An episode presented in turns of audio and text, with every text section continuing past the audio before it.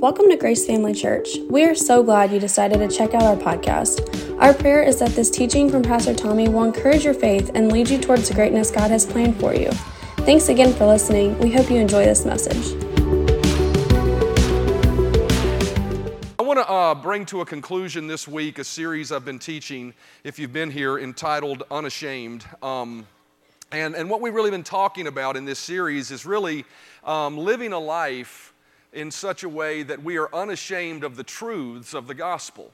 Uh, not, not because we are being forced to be unashamed of, of it, not because we feel like we're obligated to be unashamed of it, but because we are truly excited about the gospel in our lives. There, and, and so we find the key to that unashamed attitude in Romans chapter 1 and verse 16. So I'm going to read that and then we'll uh, pray together and then just believe God together for what He has for us. And at the end of the service, we'll be taking communion together for all that are believers in Jesus. Uh, that, uh, that is open for you. You don't have to be a member of the church, but um, we're going to be taking uh, communion together. So Romans chapter 1 and verse 16 says, For I am not ashamed of the gospel of Christ, for it is the power of God to salvation for everyone who believes for the Jew first and also to the Greek. Let's pray. Father, thank you so much for your word. Thank you for um, giving it to us, and I thank you for helping me uh, share your word with your people. I thank you for your truth just sort of dripping forth like honey from heaven, that it would drop on the inside of us and bring true revelation, spiritual revelation on the inside of us to see something maybe we've never seen before, to spark something in us in our relationship with you, Father. I just give you praise and thanks for using me to do that. And I thank you for each heart here being open and attentive to listen and hear and receive. And we'll just give you praise and thanks for everything good that comes from our service today in Jesus' name. Amen. Paul said here he was unashamed of the gospel because it would produce the power to actually help us. As I was thinking about that this morning, actually just before I stepped up to preach, it sort of struck me that Paul said, I am unashamed of the gospel. You know, if you think about that statement alone, it's almost sort of an in your face, uh, dog determined attitude behind it. And, and I thought about, you know, why he would even have to say that. Why would Paul even have to say, I'm unashamed of the gospel? Let me tell you why. Because there is a resistance to the gospel. And, and, and I'm not talking about people, or uh, I'm just saying that, you know, the, the process of believing God's word in spite of what you see, there is spiritual resistance that would cause you to want to shrink back in doubt and not declare it, right? But Paul said, I am unashamed of the gospel. And the reason he said I was unashamed, he says it right there. He says, because. And so, because tells us this is the reason or the cause why he's unashamed. He said, because it's the power of God unto salvation. And we pointed out early in this series that that word power is the Greek word dunamis, and it means uh, miracle working power. So Paul said, I'm not ashamed of the gospel because there is miracle working power in it, right? But not only just in it, he said it because it's the power of God unto salvation. And that word salvation is the word soteria. It's the Greek word that means uh, many different things. It doesn't just mean being saved so that you're a child of God and you go to heaven, although that's one very important aspect of it. We're going to talk a lot about that today. Um, but it also means, if you look it up, it means preservation, healing, physical health, deliverance. And so, what Paul was saying was, I'm not ashamed to tell you truths about God that say He will deliver you. Why? Because it actually produces power to actually give you exactly what it says it will give you, right? And so he went on to say that over uh, in another way in 1 Corinthians chapter 2 and verse 4. He said, In my speech, Paul said to the church in Corinth, and my speech and my preaching was not with persuasive words of human wisdom, but in demonstration of the Spirit and of power. He said, When I came to you, I didn't, I, I didn't have a bunch of flowery messages. I just had a simple message Jesus Christ and Him crucified, it said in a previous verse right? That's all I preached. And when I preached that, he said it came with a demonstration an actual demonstration of power. That word demonstration means a showing forth of a, or a manifestation. And so what we see in those two verses is this is that Paul was unashamed of the gospel because the gospel was more than rhetoric, it was more than a theory to him. It was more than just a belief system. It actually produced an experience after he believed it or after he preached it or after someone else believed it. And so, what we've been saying really is that the, the, excitement, the boldness, the attitude that says, I'm unashamed of the gospel comes from when we experience actually what God says we can do, what God says we can have, and what He says He did for us. And so we see that in Psalm 126. I used this verse last week. I'm going to use it again. It says, And when the Lord brought back the captivity of Zion, we were like those that dreamed. It goes on to say that we rejoiced, we shouted. Why did they rejoice? Why did they shout? It wasn't because of a theory, it was because they actually had been delivered.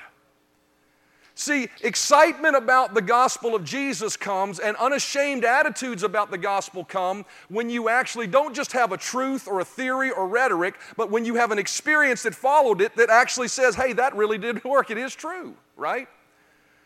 And I've always said this that there's no argument, there's no, there's no sermon, there's no, there's no nothing you can, that can stand against a man that has God's word backed up by an actual experience of where it took place. You just can't, and I've said that before, you can't tell me Jesus doesn't forgive sins because I've experienced it. You can't tell me that Jesus doesn't heal because I almost died and I experienced it. And so, what we've said in the, is in the scripture is that it's important for us to have an experience. And so, the Lord really challenged me with this message. He said, What I want you to do is, I want you to preach truths that the gospel says, that, that the Bible says we should be unashamed of, and that I want you to expect me to provide a demonstration. So I said, okay.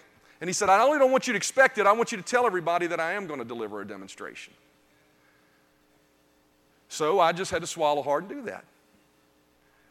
And so we've preached about, first of all, the goodness and the faithfulness of God. And I, I said this before, I, you know, I, but sometimes when I put these together, I'm putting them together as the, as the series is going along. And I, as I look back into why God wanted us to look at the goodness of God and the faithfulness of God and the experiences of His goodness and faithfulness that we've had in our life. If you look back over your life, you know, matter of fact, every blessing we have comes from God, right? Anything good in your life is from Him.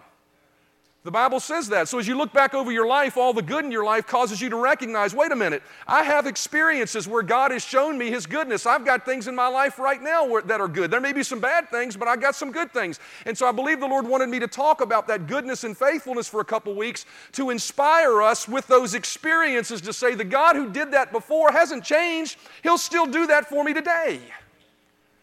And then we taught a message on the prosperity of God, and we talked about the fact that God wants to bless you. In many churches today, people act like sickness is, I mean, uh, that, that, that finances are a bad thing to talk about, but the Bible says, you know for your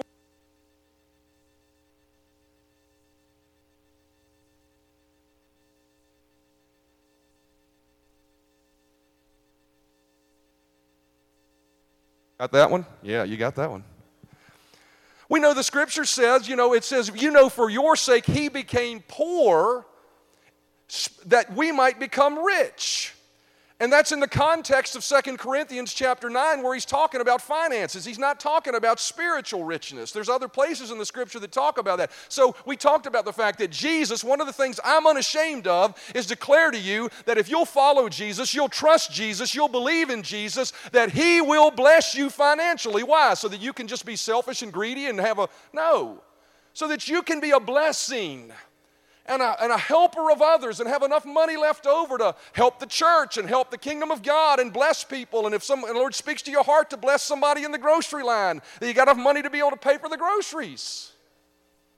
Why? Because He wants you to be a testament of His goodness. He wants you to be blessed.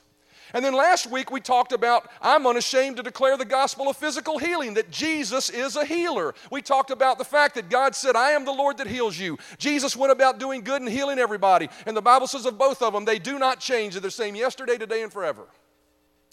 So I'm unashamed to talk about healing, and I challenge you to believe for that. And we had people come forward. Last week we got testimony of a person, they were telling me this morning the story. Came forward, pray with them. They hadn't heard out of their ear. I think it was 13 this morning. They said 8 to 10, so they may have the years messed up. But, but they, they hadn't heard out of their left ear in thir- uh, eight to 10 years. Laid hands on them, prayed for them, commanded the ear to be open. She can now hold the ear up to her left ear on her phone and hear people talking to her. She could not hear that for eight years. Amen. Well, why am I sharing with that you? Because I'm sharing with you that excitement should be rising in our heart because God is not just a teller of what He do, will do, He's a doer of what He says He'll do. I got this other testimony. I'm going to read it to you. Pastor Tommy, I have a healing to report. This is after Sunday service. Yesterday during service, I was praying for that my mom would be healed from lung cancer. Her last scan three months ago showed nodules and fluid, and she had a CT scan today to reevaluate and come up with a treatment plan. Look at the text I got. No more chemotherapy, just Jesus. Here's what the text. Great news. My CT scan is clear. Fluid is gone. Getting the port removed next month. God is so good. Now, why do I say, you say, well, I know people that have been prayed for that didn't get healed. It's the gospel to those that believe, is what that verse of open scripture says. When you sit under the Word of God and you hear the Word of God and you listen to the Word of God, it will produce belief in your heart. Oftentimes, what we find is people wait until the moment of crisis to believe God, and then the problem's so big that it's bigger than their belief. But what we need to do is, is we need to be people hearing the word of God and sitting in churches where people say, I'm unashamed to tell you what Jesus said he would do because he hadn't changed and he'll do what he said he would do. Amen. So we're seeing testimony of not only what God said he would do, but him actually doing it. Today, I'm not ashamed of the gospel. I want to talk to you about the gospel of forgiveness and new beginnings. Everybody say forgiveness, new beginnings. I believe the Lord wants me to declare this truth to you today because as I was thinking about it, you know, condemnation and guilt and feeling unworthy is probably the biggest obstacle that any believer will have to overcome to be able to receive from heaven. It's one of the biggest roadblocks to the experiences that God says we should be having in Scripture. When we feel like we are unworthy, when we feel like we, we, we don't deserve what God says we can have. See, if a person believes the lie that we are unworthy because of sin, they will always struggle to walk in the demonstrations of God's power. They'll always struggle with it. They'll always come to God as a beggar that isn't worthy of what He has for them instead of as a son that He has made worthy that says you got refrigerator rights to whatever you need. You know, how many of you know which refrigerator rights are? When my mama was living, I'd walk in the front door of her house and I'd go right to the refrigerator and open it, whatever whatever's in it, I'd eat it. Didn't have to ask, didn't have to ask whether I kicked the dog on the way there or yelled at my wife. I just went in and got it. See, God wants us to understand that you don't need to come to Him as a beggar, unworthy of what He has. You come as a son. A person that struggles with guilt and condemnation, they'll always feel like they don't deserve God's help. They'll always allow the guilt of their past and present sins to rob them of the faith for their future. They'll always allow the failures in their flesh to rob them, the things they're struggling with right now that maybe they haven't overcome in their Christian walk yet, to rob them of what God wants to do for them right now in this moment. They feel like they got to get it right first. And I'll tell you this as sure as there's a God, there's a devil, and he's worked overtime to deceive the majority of the church on this point. He subtly and stealthily delivered the false doctrine that most Christians believe, and it's this truth, or this, un, this untruth, that I'm just a sinner saved by grace. You know, that's a lie from the pit of hell. It is. Well, I'm going to show you in Scripture. See, Paul said, I'm unashamed. The reason he said unashamed so boldly, because it took an in your face moment for him. Sometimes you got to step up and just say it. I can tell you right now if you have accepted Jesus Christ as your Lord and Savior, you are not a sinner. You may have things you're working on, but you're not a sinner. And you should never go around saying you're not worthy. You should never go around saying you ain't worthy of receiving from heaven or, or you know, your life is something that you, to be ashamed of. He's worked overtime, the devil has, to get us to think about ourselves in light of our flesh and the work that God is doing in us on the outside instead of having us focus on who God says we are really on the inside. See, Romans chapter 8 and verse 6 says, For to be carnally minded, that word carnally minded, how you remember the movie uh, All in the Family? Remember Archie used to call Mike Meathead? How many of you haven't seen All in the Family? Raise your hand if you haven't. Oh, let him that's ignorant be ignorant still. Go out and download one. I, I got to tell you, in today's culture, oh man, in today's culture, I mean, it'd, be, it'd get canceled in a heartbeat. But it's, a, it's satirical, right? It's, it's, it's meant to be a, uh, uh, you know, satire of, of things and wrong attitudes. But anyway, that being said, my Shannon's over there. Don't tell him to download. I, I can tell you that show's cleaner than stuff they're showing on TV today. But that what carnally minded means don't be a meathead. That's what it means. Carnally is talking about our outward flesh, the natural us. How many of you realize the natural you, God's still working on you? All you women missed a great chance to say amen about your husbands. God's still working on us on the outside. He's working on us on the outside, but what he's saying here is to think about yourself as the one that God's working on the outside. It says to be carnally minded is death.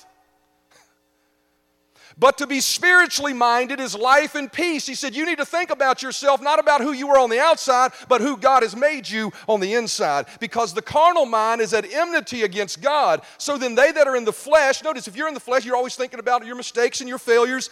You, you ain't ever gonna feel like you pleasing to God. But you are not in the flesh. We say, wait a minute, I'm sitting here. Everybody pinch your neighbor, aren't you sitting there? So he's not saying you're not physically here. What he's saying is the real you is not what we see that's being worked on on the outside. You are not in the flesh, but in the Spirit, if so be that the Spirit of God dwells in you. So when you accept Jesus and the Spirit of God comes to live on the inside of you, the real you is on the inside. Paul teaches us that we need to see ourselves for who we are spiritually. See, as long as you see yourself in light of your outward man, you'll have roadblocks to the life and peace that God has for you. You'll struggle to receive healing, signs, and wonders and miracles because you'll think, I don't deserve them. Or that little sin, that thing I did, has disqualified me this week. You're surreal. How many say surreal moments? I talked about early on in this series what God wants to do for us is produce surreal moments for us. What do I mean, surreal moments? Moments where you look around and say, oh my gosh, this is actually really happening. I can't believe this is happening. I believe for it, but it's actually here. Those surreal moments where God wows you, where your mind goes, I can't believe this is really happening. You'll struggle to receive manifold abundance of those and, and, and consistency in those because you're constantly going to think you disqualify from it and your belief will be diminished in what God wants to do for you.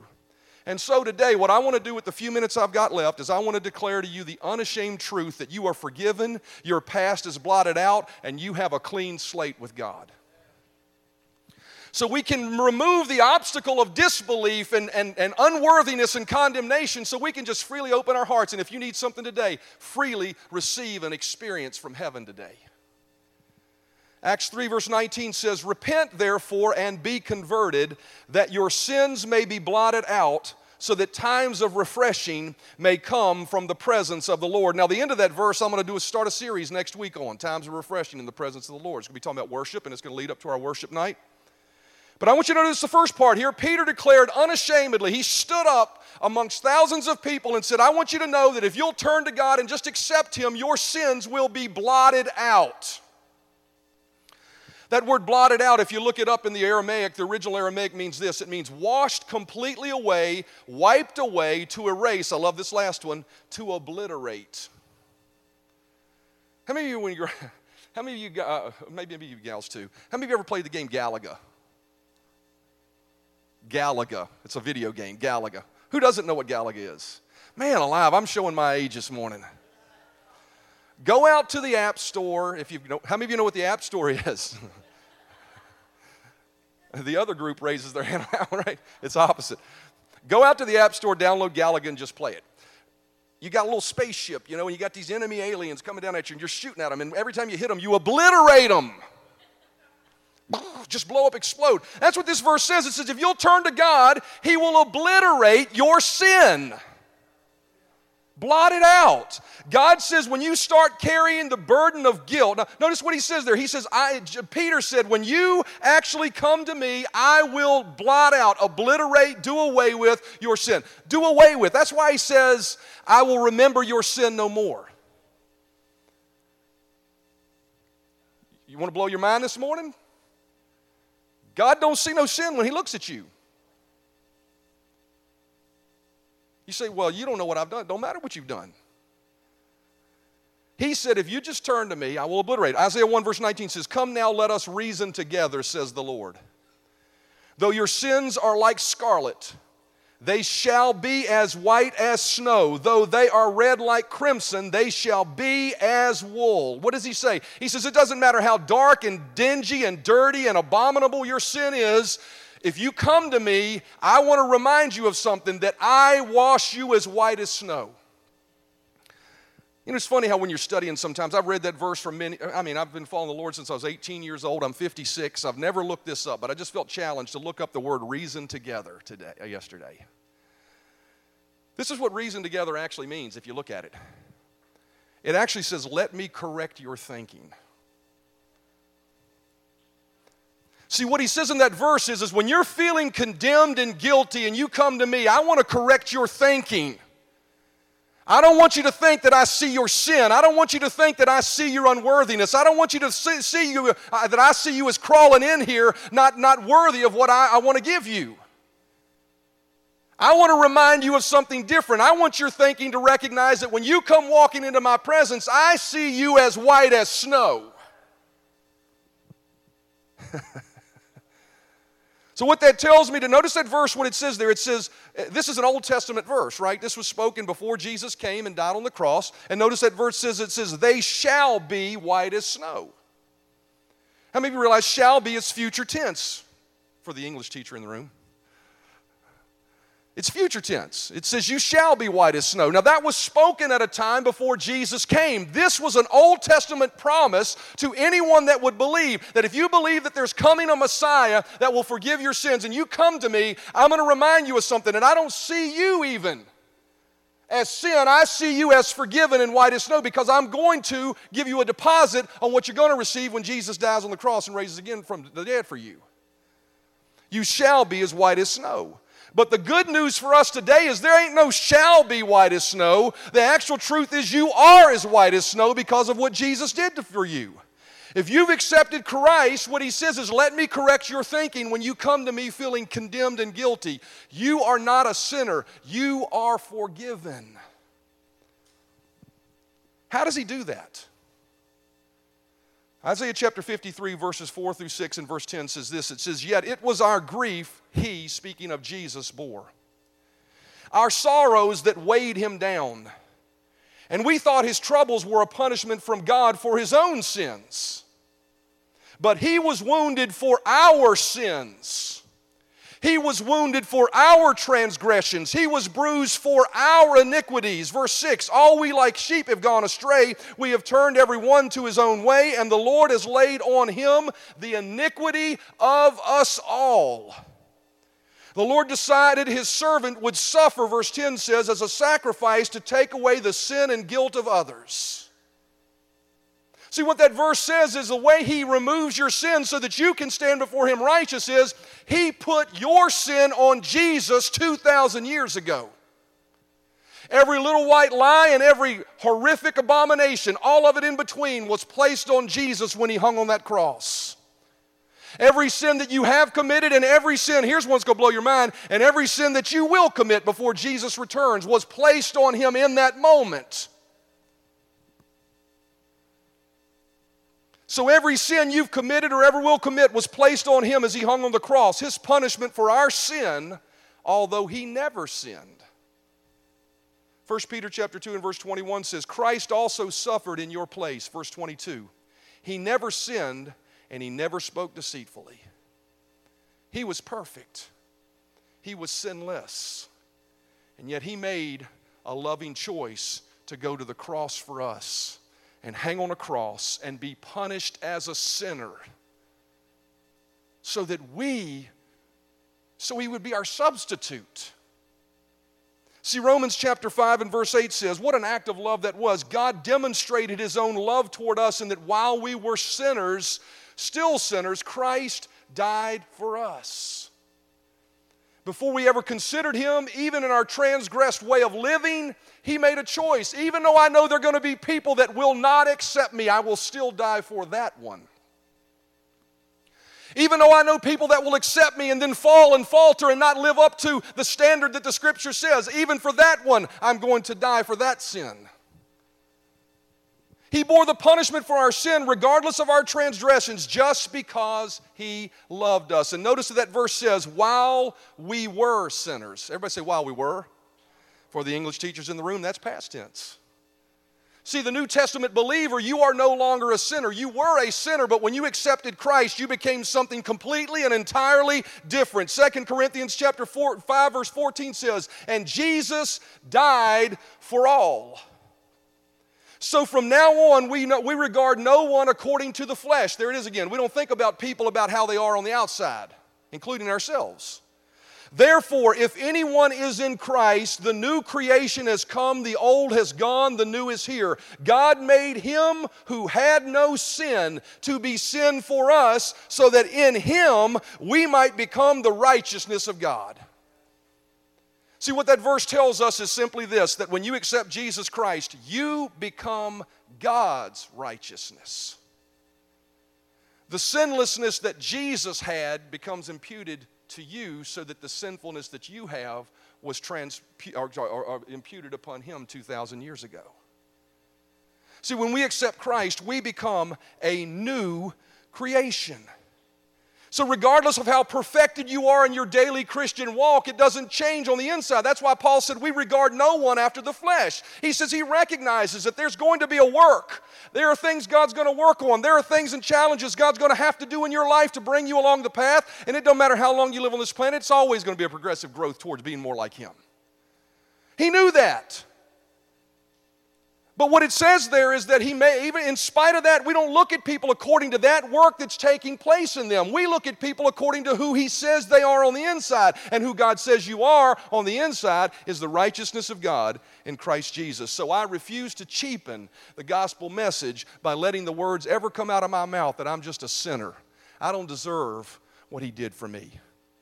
Not because I think I'm something, but because He made me something. And I won't cheapen His death on a cross by saying what He did was not enough. Why did He do it? Because He loves you so much that He wanted to remove the junk that causes you to think that He would not want to bless you. So remember that, remember what he said then in light of what we just said in Isaiah. He said, Let me correct your thinking. Let me remind you, he says, look, if you're feeling guilt and condemnation over your sin, let me correct your thinking. Let me remind you of what Jesus did for you. Let me remind you that you're a new creation and that you're righteous. So much so that you should not walk around in your life with any guilt or condemnation. If you make a mistake and you do somebody wrong, ask them to forgive you. That's great. If they forgive you or they don't, that's on them. But you should let it go. Romans chapter 8 and verse 1 says, Therefore, there is no condemnation for those who are in Christ Jesus. So that tells me when a thought of guilt and unworthiness, if I mess up and I know I do something that I shouldn't have done, and I, and I start feeling guilty, you know what I have to do? I have to choose to live by the Word of God instead of my feelings. I have to choose to say, no, wait a minute, I'm forgiven. God sees me as, uh, as not th- that thing that I did, so I am going to place aside condemnation because the Bible says in Him there should be none. No condemnation in Christ Jesus. Any condemnation or guilt you're feeling is not coming from God, and you should resist it with everything that is in you. If you're sitting here this morning and you feel unworthy, it is not a thought from heaven. If you're feeling like that, oh, I just don't deserve it, listen, that is a lie from the devil to try to get you to disbelieve that you do, that God loves you enough that you did deserve Him dying for you. He loves you that much. Not because you were worthy of it, not because you earned it, but because His love is greater than our, our sin. Revelation chapter 12 and verse 10 says, For the accuser of our brethren is cast down. The accuser of our brother. How many realize there's an accuser of our brethren? There's one that wants to accuse you day and night which accused them before God day and night, and they overcame him by the blood of the Lamb and by the word of their testimony. What does he say there? When you start feeling guilty, all you need to say is, Thank you for the blood, Jesus. Thank you for the blood of Jesus. I'm not worthy and I'm not, I'm not uh, uh, uh, a child of God because I earned it. I'm worthy and I'm a child of God because of His blood. And therefore, I am going to thank God and I am not going to live a life of guilt and condemnation over the sins of my past. And I got to tell you something. This applies to not only the newly born again person, but this also applies to the believer that's been born again for many years. You know, as I've lived many years, I've often thought about this. You know, when a person accepts Christ for the first time and they become born again and they get that experience, they walk away feeling, I'm fresh, I'm new. But I've watched many believers that have lived for many years, they, they, they live their life, they're like there's some dilapidated, refurbished old tire. They really do. I mean, like, you know, I've had my bumps and bruises and I've got the scars to show it and I've sinned and, and God, you know, and they remember in all their mistakes and failures and they don't live with that same refreshing attitude that that new believer has that says, I'm brand new, I got a fresh start. But the truth of the matter is, is no matter how long you've lived as a believer, no matter how many mistakes you've made from the time you accepted Christ until now, the truth still remains that that sin is still forgiven and you are still right with God. Amen. See, what the verse of scripture, it, it's, a lot of people look at their new birth experience like they bought a new car. How many of you realize when you buy a brand new car, the second you drive it off the lot, it depreciates? And in today's economy, you pay $50,000 for a car, you drive off the lot, and people won't give you 19 for it. That's how people see their new birth experience. I got born again, drove off the lot, oop, ran through a mud puddle. I'm not as valuable as I used to be. They see their life as a, depre- as a believer, as a depreciating thing because of the sins they've mistakes and the, and the process of, of growing to be like Christ. How contrary is that? I mean, what a treadmill we'd have to be on if we, if we got born again and had to just get it right all the time to live in, and be that righteousness. And then it would all of a sudden mean we got the salvation by grace, but we got to earn it now by being perfect. That's crazy. It doesn't matter whether you've served God for 50 years and you've committed adultery and you ran out on your wife, and you, but you're, you're coming back to God. It doesn't matter. All of that, it doesn't matter. You're not tarnished. You're not tainted. You're not a tire that's been popped and been patched up. In this moment, I want you to understand something. You are right with God because of what Jesus did 2,000 years ago. 2 Corinthians chapter 4 verse 16 says though our outward man perishes yet our inward man is renewed day by day. That means that when you got up this morning you were just as much a brand new creation as you were the day you accepted Jesus Christ. Brand new. Spanking new. Amen. Clean and cleansed. Lamentations chapter 2 says, For it is the Lord's mercies that we are not consumed because his compassions fail not. They are new every morning. Great is thy faithfulness. Every morning when you get up, it's a brand new day. Every morning you get up, doesn't matter if you failed yesterday. You can put your feet on the ground and say, I'm right with God. And I can tell you this if it happened this morning, you ain't got to wait till tomorrow morning. You can put your feet on the ground right now and say, Because of what Jesus did for me, I am forgiven, I am right with God, and I can expect His blessing upon my life. Amen. Musicians, go ahead and come. We're going to close. So I'm unashamed to declare to you today that Jesus Christ is a God of forgiveness and new beginnings. It matters not how many times you call on His name for forgiveness, His answer will always be what it was on the cross Father, forgive them. It'll always be that. As a matter of fact, here's one thing I want to just, as they're coming, I want you to just hang on to this truth God is not keeping count of your sins. Hebrews chapter 10 and verse 10 says, We have been made holy through the sacrifice of the body of Jesus Christ. I want you to notice this next phrase once for all. Day after day. Now, I want you to notice this because he brings something out to us and lets us know that when we were made holy is very specific. Day after day, every priest stands and performs his religious duties, speaking of natural priest. Again and again, he offers the same sacrifices which can never take away sin. But when this priest, which priest? Jesus had offered for all time one sacrifice for sins, he sat down at the right hand of God. Verse 14, for by a single offering he has perfected for all time those who are being sanctified.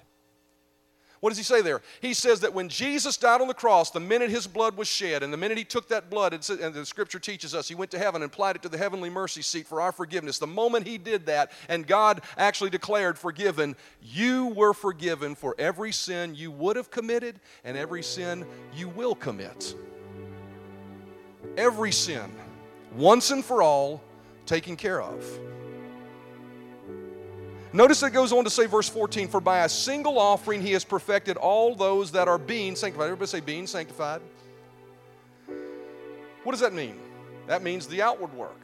See, a lot of people talk about sanctification like you got to get to some level before God will ever bless you. Sanctification is a process that'll happen from this moment until Jesus returns. Sanctification is us growing to be more like Him. But what this verse says is, is this it says, He has, past tense, perfected those that are being sanctified. So what that says is, is that your sin was forgiven and God sees you, even though He knows He's working on you on the outside, He says that that don't matter. All the outside stuff is already forgiven, and I call you righteous and holy in spite of the work I'm still doing on you. So that means I can walk into God's presence knowing if I'm not quite there yet, that I am there yet spiritually, and His, eh, his door is flung wide open to me that says, you, I'm going to bless you not because of what you do, but because of my great goodness and grace. Amen. You need to always remember this. You don't receive from God because you are perfect and sanctified. You receive from God because you're forgiven. Being perfect and sanctified is a work, and it's a part of discipleship, and it's a part of growing, and it's something we all need to do. But in spite of where you are on that journey, I want you to know that when God looks at you today, He doesn't see your sin. Why? Because it's already been forgiven. 2,000 years ago, we obliterated it. Amen. 2 Corinthians chapter 5, I'm getting ready to close. Verse 18 says this All this is from God, who reconciled us to himself through Christ and gave each one of us the ministry of reconciliation. Reconciliation means being made right, right? He's called us to tell people this message that you God ain't holding your sins against you. Verse 19 What's the message of reconciliation? That God was reconciling the world to himself in Christ. Notice this not counting people's sins against them. Not counting people's sins against them. Whatever you need in your life today, whatever you've been believing God for, I want to remove the lie that says you aren't worthy of it. I want to remove the lie that says you don't qualify for it. Why? Because God because of what Jesus did, is not counting any sins against you. You can run freely into His presence and with great boldness find mercy and grace to help in a time of need. Amen? You can, with condemn, uh, without condemnation, receive what He has for you. Bow your heads with me. Father, thank you so much for your word. Thank you so much for the unashamed truth that you have already forgiven us. When we fall and when we falter, yes, we should come and say, Lord, I thank you for the forgiveness you've already provided, and we should take steps and strides back towards you. But the answer is always when we come before you, already forgiven, already taken care of, already paid for. Never once when we come to you in this age asking for the forgiveness is there a decision being made on your part of whether you will forgive us or not. It's already been done. So I thank you, Father, that we are the forgiven of the Lord. And whatever need people have this morning, they can freely believe in your goodness and your promise and receive it. I thank you for it. In Jesus' name. Every head bowed, every eye closed, no one looking around. If you're here this morning, never made Jesus the Lord of your life, you've never accepted Him, you've never actually opened your heart and said, Lord, I see this now. I see that Jesus took my place and I accept him as my Lord and Savior. I receive the forgiveness that was purchased for me. If that's you and you've never done that before in your life, you can't point to a moment to say, That's when I did it. And you want to have that moment. Would you raise your hand right now? Anyone at all? Just say, That's me. Anyone at all? Just wait just a moment. I'm going to wait just a moment. Don't want to miss this opportunity. Thank you, Lord Jesus. Thanks for listening to our Grace Family Church podcast. We really hope you enjoyed this message. If this ministry has blessed you in any way, we would love for you to get connected. Just go to gfcva.info to learn more about who we are, how to give to this ministry, or how you can get involved. Thanks again for listening, and we hope to see you soon.